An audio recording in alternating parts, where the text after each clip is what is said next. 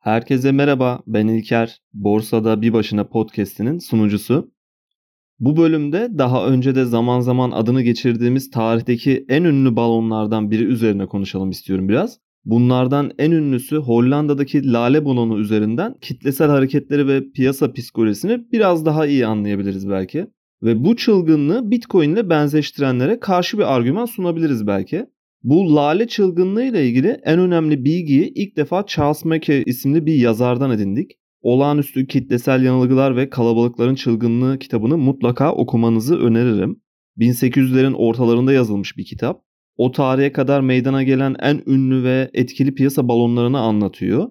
Günümüzde biraz tartışmalı bir konu bu. Aslında o dönem için çok büyük bir lale çılgınlığının olmadığını iddia edenler de var. Belli bir grup arasında sınırlı kaldığını iddia edenler var. Fakat Hollanda kayıtlarında o döneme ait ticaretin izlerine, kayıtlarına bakınca çok net bir şekilde rakamları da görebiliyoruz. O dönemlerde lale fiyatlarının nasıl hareket ettiğini görmek çok da zor değil. Yine de bazıları bunun çok büyük bir kitlesel çılgınlık olmadığını da öne sürüyor.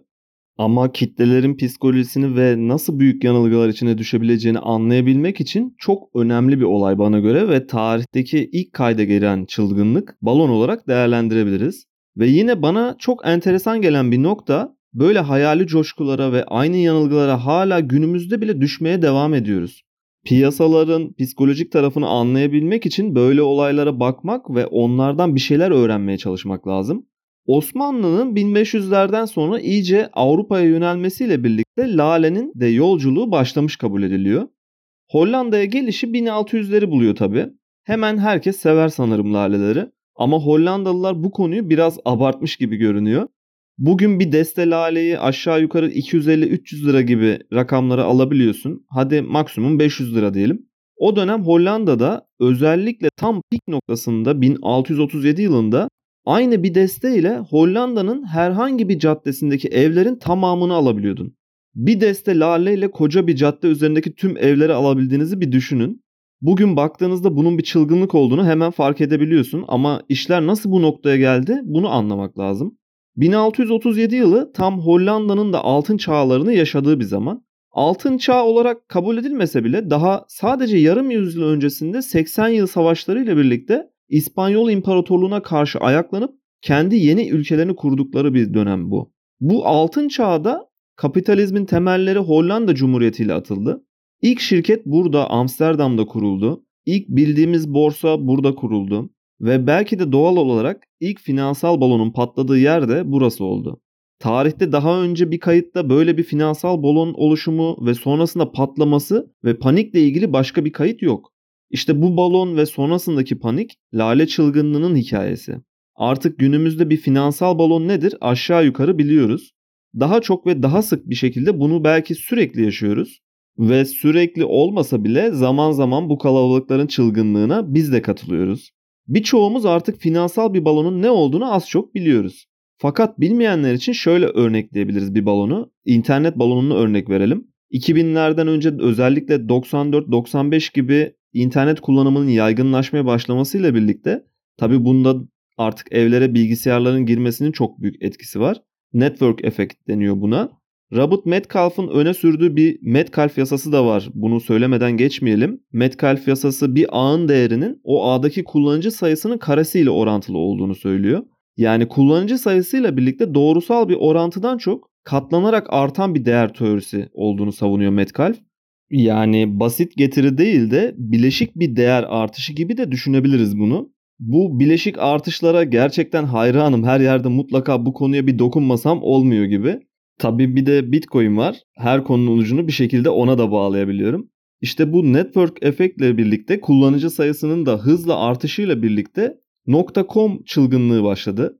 Herkes internet siteleri açtı. Herkes bir şeyler koymaya başladı internete ve bir anda internet şirketleri mantar gibi türemeye başladı. Bu şirketlere yatırım yapanlar çoğaldı daha sonra. Bu yatırımların tek amacı, hadi tek amacı da demeyelim ama en önemli amacı belli bir zaman sonra bu yatırımları daha yüksek bir fiyata başka birine satmaktı. Yani 1000 dolar yatırım yaptığınız bir internet sitesinin paylarını sonraki kullanıcıya 1500 dolardan satıyordunuz. Kısa zamanda çok ciddi karlar oluştu. Sonrasında arkadaşlarına gidip nasıl harika bir yatırım yaptığınızı ve daha geçenlerde böyle bir yatırımdan 500 dolar kazandığınızı anlatıyorsunuz tabii.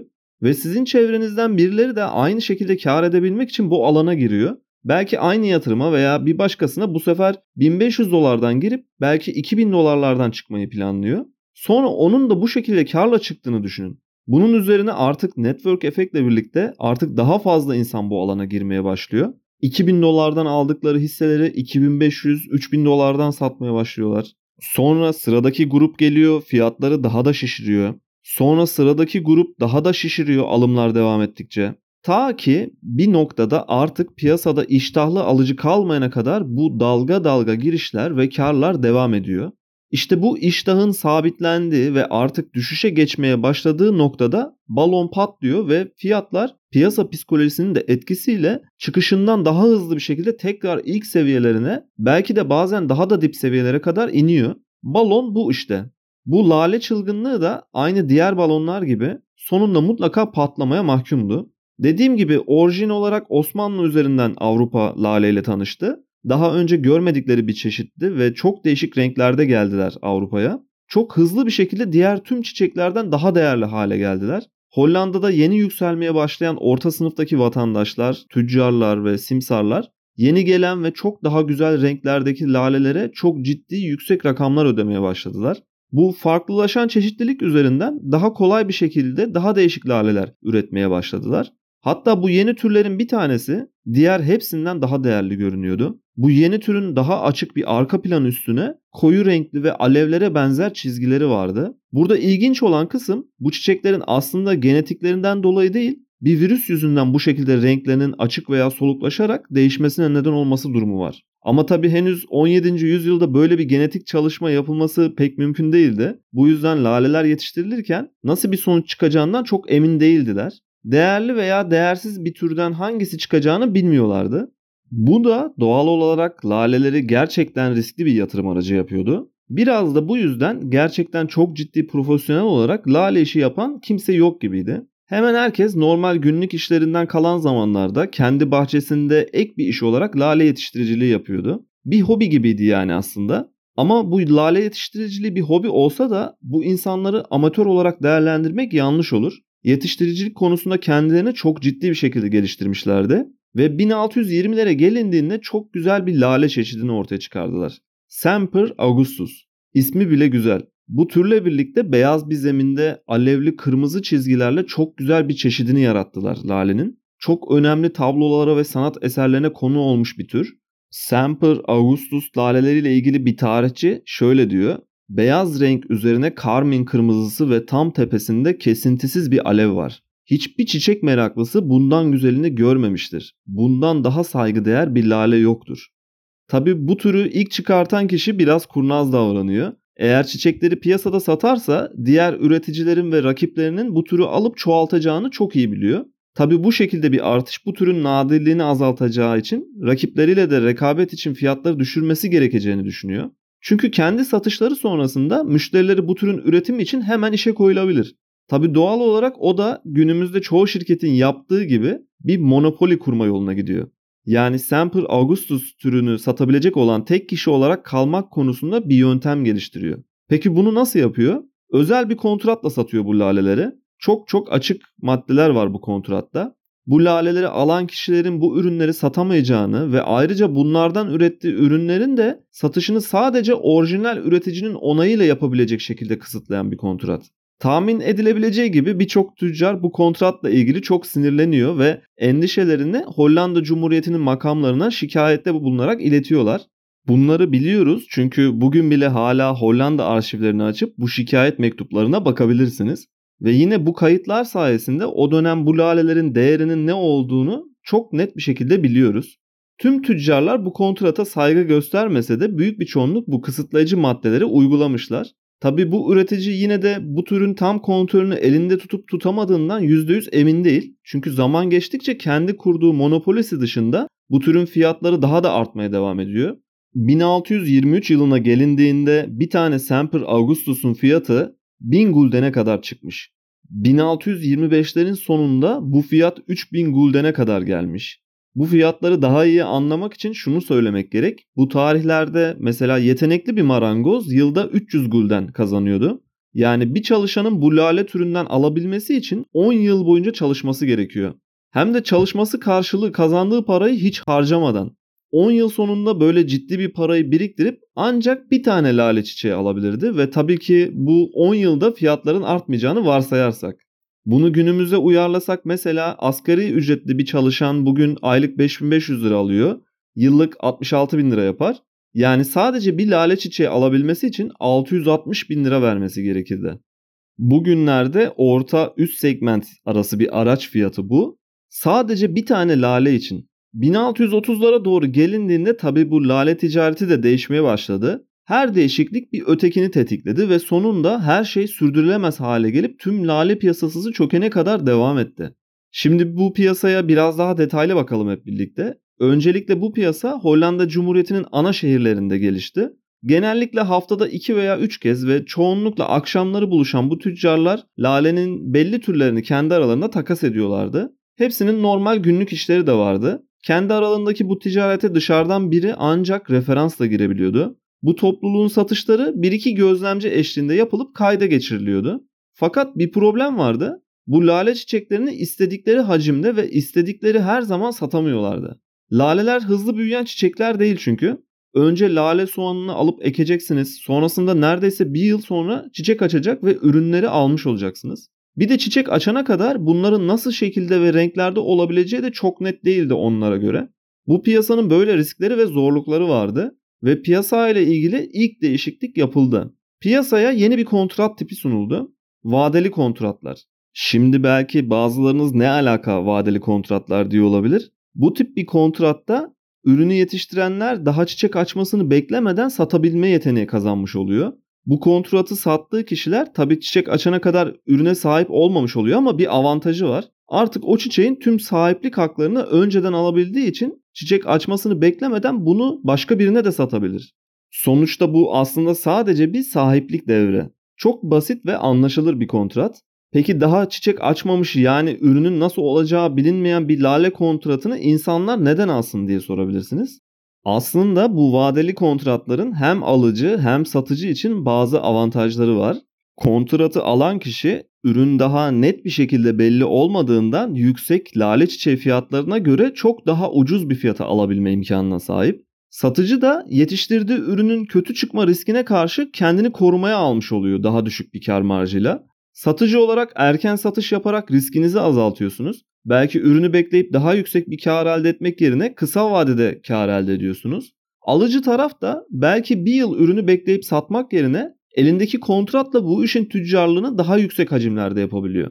Ve 1634'lere gelindiğinde artık olay tamamen bu vadeli kontratlar üzerinde dönmeye başlamış diyebiliriz.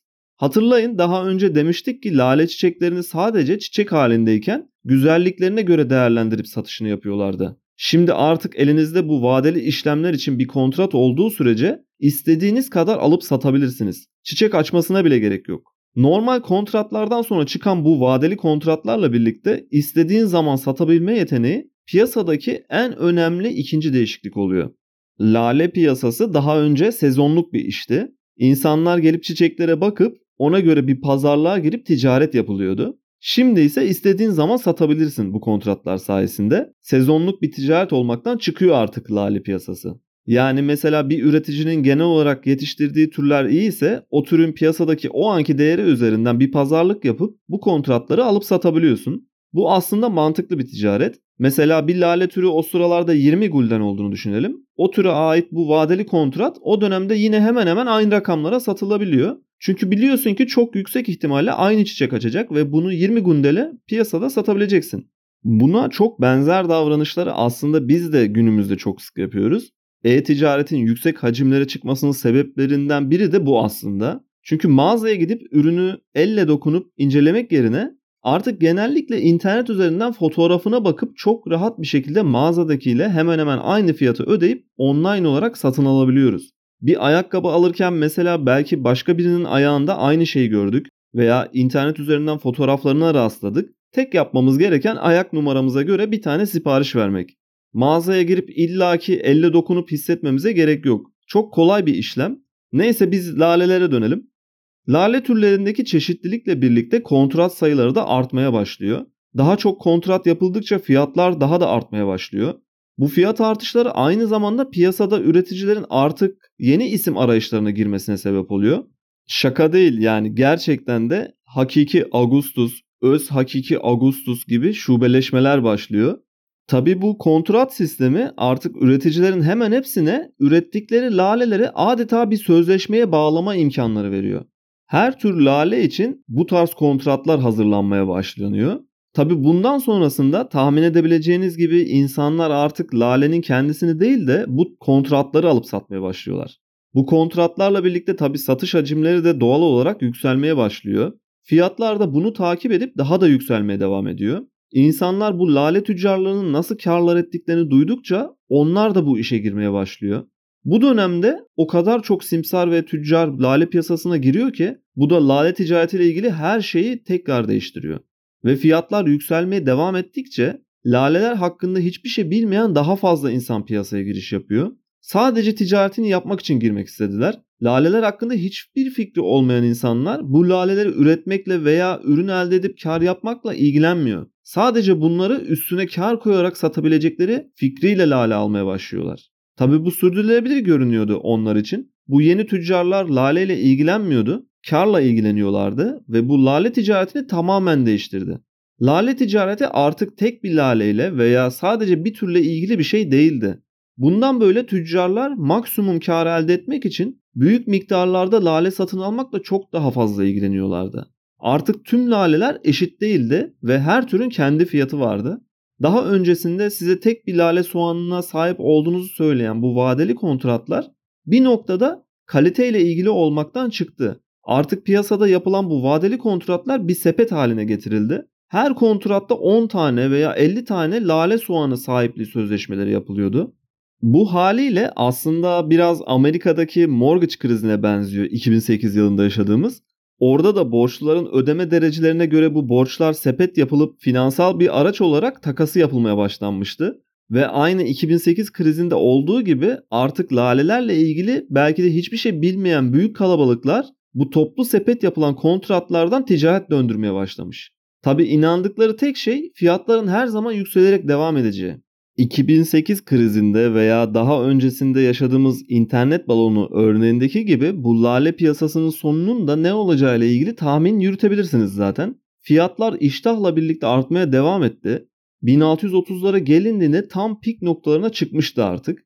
Piyasanın tamamen çökmesinden daha birkaç ay öncesinde bir lale kontratı belki de onlarca kez el değiştiriyordu. Fiyatlar kısa bir sürede 10 katına hatta çok daha kaliteli çiçeklerde 20 katına kadar çıktı.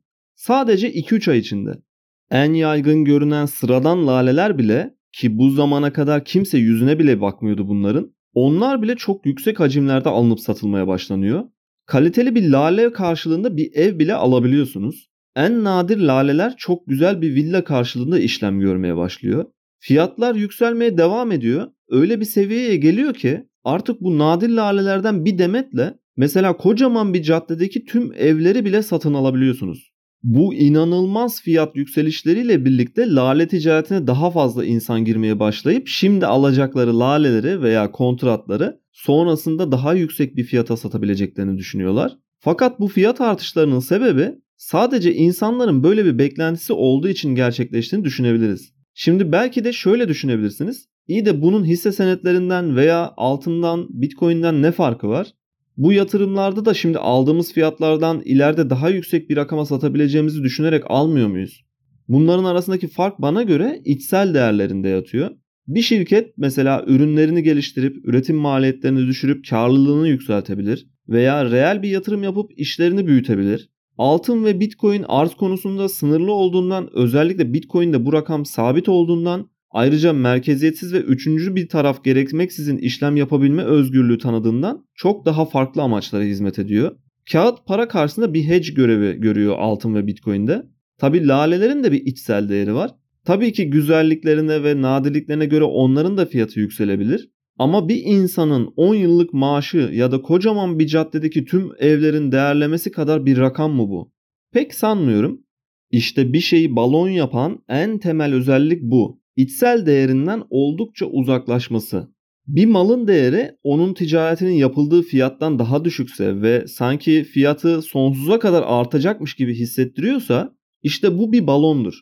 Yine de hatırlatmakta fayda var. O dönemde insanlar böyle bir şey daha önce hiç yaşamamışlardı. Balon düşüncesi bile yoktu daha öncesinde. Geçmişten ders alabilecekleri böyle bir finansal çöküş yoktu kaynakları açıp bakabilecekleri. İşler her zamanki olağan akışında gidiyor gibiydi birçoğu için. Ama tabii ki herkes için değil. Fiyatlar öyle inanılmaz seviyelere gelmişti ki artık bazıları belki de fiyatların çok şiştiğini ve yine belki de bundan sonra daha fazla yükselmesinin mümkün olmadığını, yine belki küçük bir ihtimal de olsa fiyatlar düşüşe geçmeden önce artık ellerindeki laleleri ve vadeli kontratları satıp çıkma vaktinin geldiğini düşünmeye başlamıştı. Bazıları bu dip dalgayla birlikte yavaş yavaş endişelenmeye başlasa da fiyatların çöküşü aniden ve beklenmedik bir şekilde oldu. 1637 Şubat ayına gelindiğinde tüccarlar Harlem şehrinde yine bir akşam toplanmışlardı. İçkiler içilmeye başlandı, şöminenin ateşi körlendi ve piyasalar açılacaktı biraz sonra. İnsanlar yavaş yavaş yerlerini aldı. Balonun ilk emaresi görücüye çıktı. Küçük bir lale soğanıydı 1 gramdan biraz az ağırlıkta. Kaliteli bir çiçeğin soğanıydı ama daha çiçek açmasına çok vardı. İnsanlar teklif vermeye başladılar ve sonunda 56 guldene satıldı. Bir marangozun neredeyse 2 aylık maaşı bu. Sıradaki satıcı kendi ürünüyle çıktı sahneye.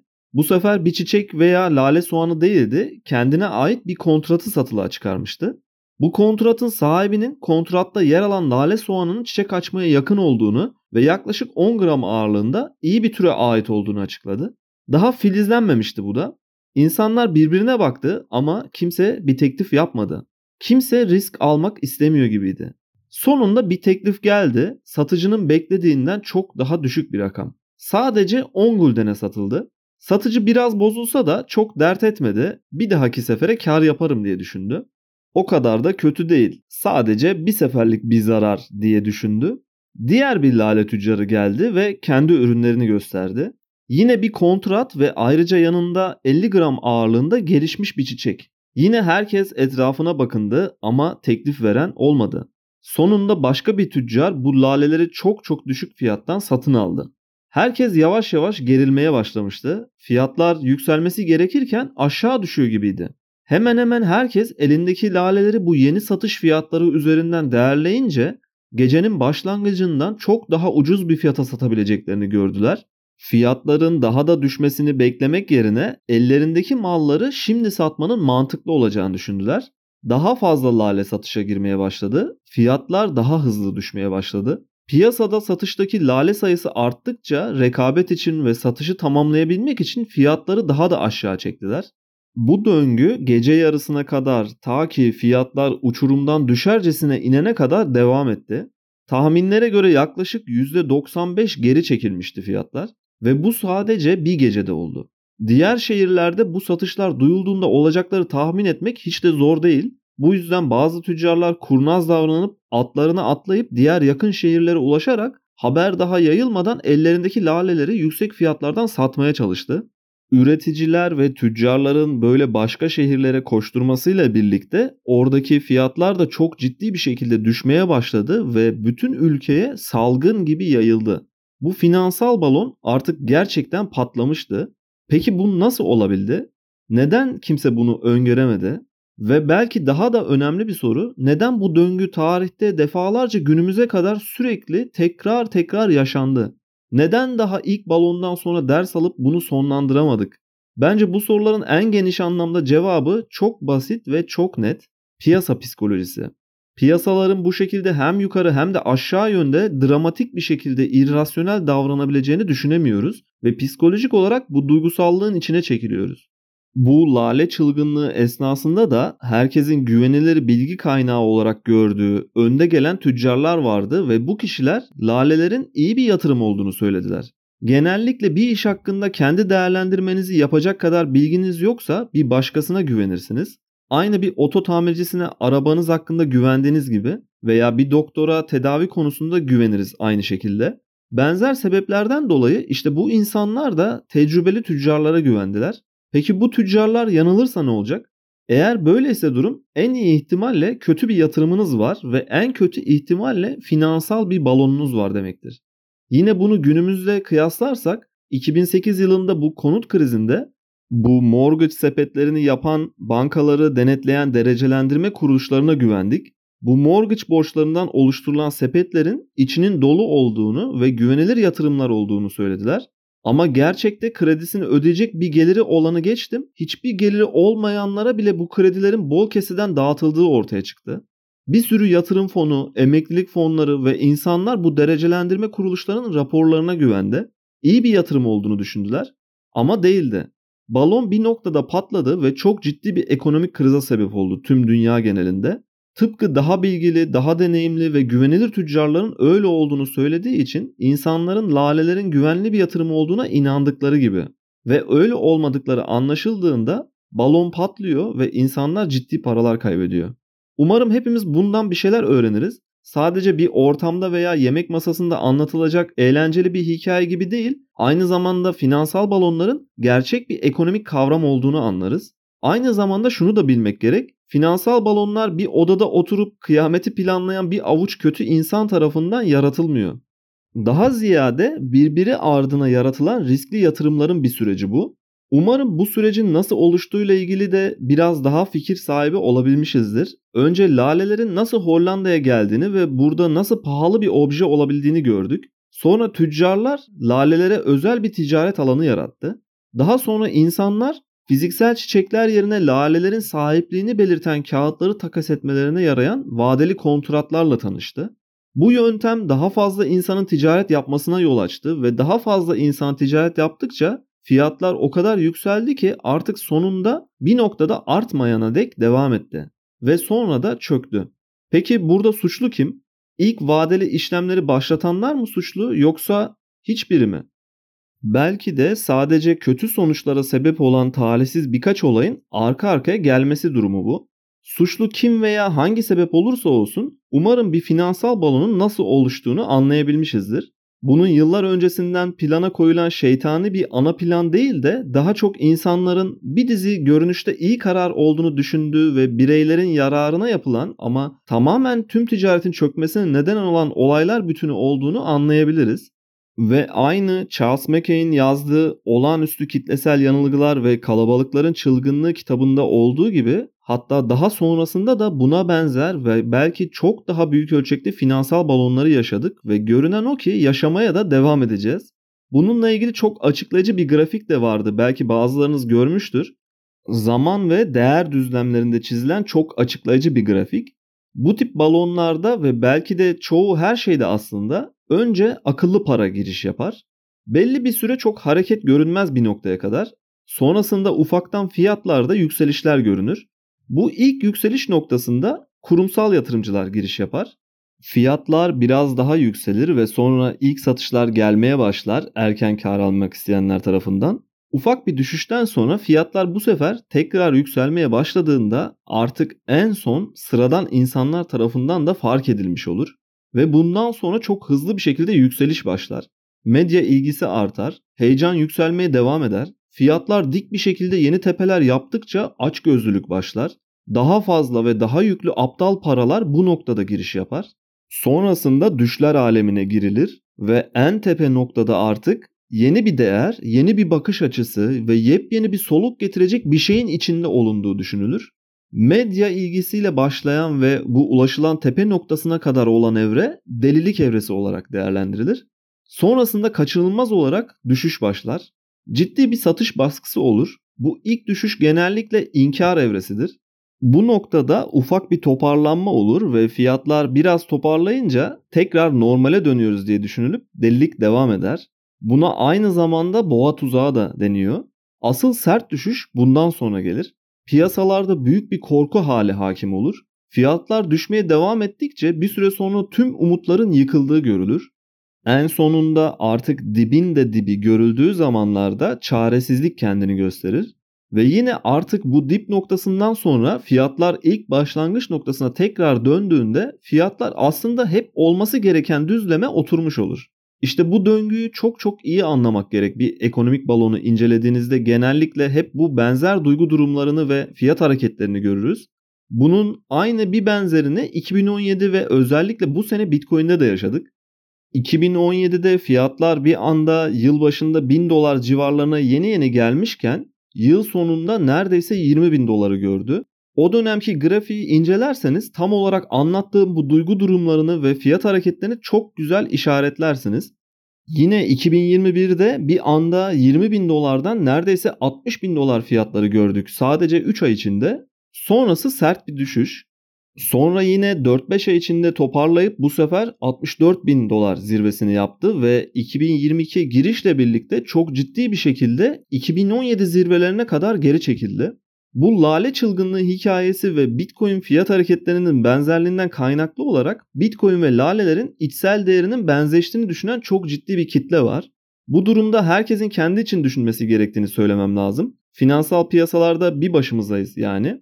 Yine de eğer Bitcoin fiyatının balon olduğunu düşünüyorsak mesela açıp Türkiye'nin M2 para arzı grafiğine bir bakalım. Parabolik bir şekilde neredeyse 90 derecelik bir dik açıyla yükselişte şu anda. Asıl balon bu. Mesela açıp dolar Türk lirası grafiğine bir bakalım. Ufak ufak bir balon oluştuğu emarelerini görebiliriz belki o grafikte de. Arjantin pesosuna, Venezuela bolivarına bir bakalım dolar karşısındaki grafiğine. Venezuela daha çok yakın bir zamanda parasından 6-0 attı. Bolivar karşısında, peso karşısında veya Türk lirası karşısında dolar grafiğine baktığınız zaman dolar bir balondur diyebilir miyiz? Elinizdeki dolarları satıp bolivar veya peso veya Türk lirası almak ister miydiniz? İşte o yüzden paranın bu şekilde zayıf varlıklardan daha güçlü varlıklara geçişlerinde genellikle böyle parabolik grafikler görürüz. Ama mesela ben Türkiye'nin M2 para arzına baktığımda sadece 3 yıl içinde mevcut paranın suni bir şekilde yaratılarak 3 katına çıktığını gördüğümde bunun çok net bir balon olduğunu anlayabiliyorum. 2019'da para arzı 2 trilyon Türk lirası iken şu anda güncel para arzı 6.6 trilyon Türk lirası. Bunu basitleştirip bir de rakamları sadeleştirerek anlamaya çalışırsak eğer diyelim ki 2019'da kasanızda bir birim Türk lirası sakladınız. Bu parayla toplam tüm payın 1 bölü 2'sine sahipken 3 yıl içinde sizin payınız 1 bölü 6'ya indi. Ve bu sizin kontrolünüzde değil. Çılgınca para basılmaya devam ediliyor. Türkiye'nin bilanço tablosunda şişen bu balon onu dolara karşı, bitcoin'e karşı zayıf bir varlık yapıyor. Altın Türk lirası grafiğine bir bakalım. Dik bir açıyla yükselen bir grafik görürsünüz yine geniş açıdan baktığınızda. Altın bir balondur diyebilir miyiz? Elinizdeki altınları Türk lirasına çevirip beklemek ister miydiniz? Doların bilançosuna baktığımızda da benzer şeylerle karşılaşıyoruz aslında. Sınırsız bir kaynaktan besleniyor gibi yeni dolar yaratılıyor ve sonunun hiç gelmeyeceği düşünülüyor. Bu da onu Bitcoin'e karşı daha zayıf bir varlık yapıyor nasıl Arjantin pesosunu veya Venezuela bolivarını hatta Türk lirasını bulundurmak istemeyip bunları dolara çevirmek istiyorsak aynı şekilde ben de şu ana kadar gelmiş geçmiş en rigid ve en güçlü varlık olan Bitcoin karşısında dolar tutmak istemiyorum. Yani kısaca nasıl dolar diğer para birimlerine karşı değerlendirildiğinde bir balon değilse Bitcoin de dolara karşı veya diğer para birimlerine karşı bir balon değildir bana göre. Elbette bu ilk adaptasyon evresinde çok ciddi volatilite görmemiz bana göre oldukça normal. Henüz adaptasyon evresinin daha en başlarındayız bana göre. Yani bu sunulan argümanların hiçbiri Bitcoin'in en kuvvetli ve altyapısı en sağlam para olduğu gerçeğini değiştirmiyor. Hatta gerçek olan tek para bana göre. Gerçeklik algımız ve yarattığımız farklı gerçeklik katmanları ile ilgili ve bunun ayrıca parayla bağlantısıyla ilgili Yuval Noah Harari'nin geçenlerde dinlediğim bir TED konuşması var. Açıklamalar kısmına bir linkini bırakırım. Neden insanların dünyayı yönettiğini tartışıyor. Orada bir noktada konu paraya da geliyor. Genel olarak şöyle bir fikir sunuyor ki katılmamak elde değil. İnsanlık olarak biz diğer canlılara göre ikinci bir gerçeklik yarattık.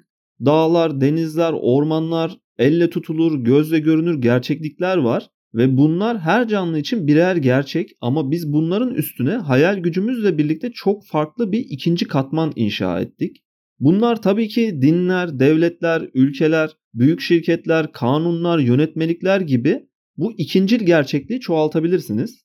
Hepsi hayal dünyamızda yarattığımız maddi olarak var olmayan gerçeklikler. Din konusunda mesela bizi şempanzelerle karşılaştırıyor. Çok sevdiğim bir söz geçiyor. Direkt aktarmak istiyorum. Bir şempanzeyi ölümden sonra gideceği şempanze cennetindeki sınırsız muzla kandırarak elindeki muzu vermeye asla ikna edemezsiniz diyor. Tek katmanlı bir gerçeklik algısı var çünkü diğer tüm canlıların. Yine bu ikincil katman olarak oluşturduğumuz en önemli hayali gerçekliğin para olduğunu söylüyor.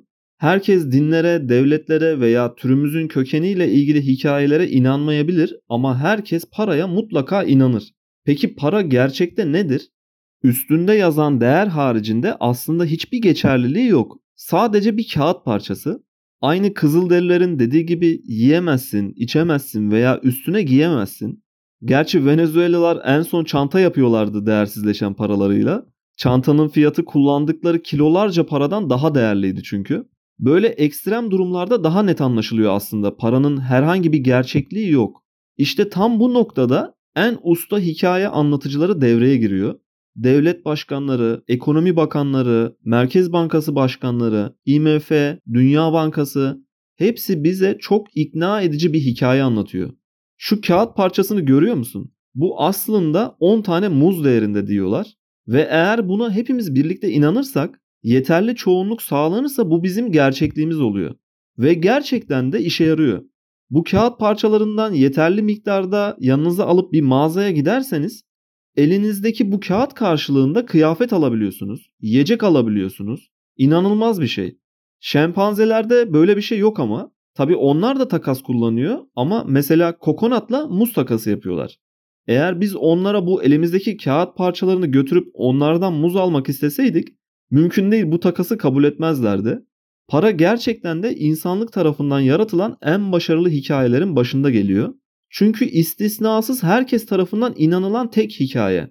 Herkes dinlere inanmayabilir, herkes milliyetçiliğe veya sosyalizme, kapitalizme inanmayabilir ama herkes paraya inanır ve hatta büyük bir çoğunluk da ona tapıyor. Böylece konuyu bağlamış olalım artık.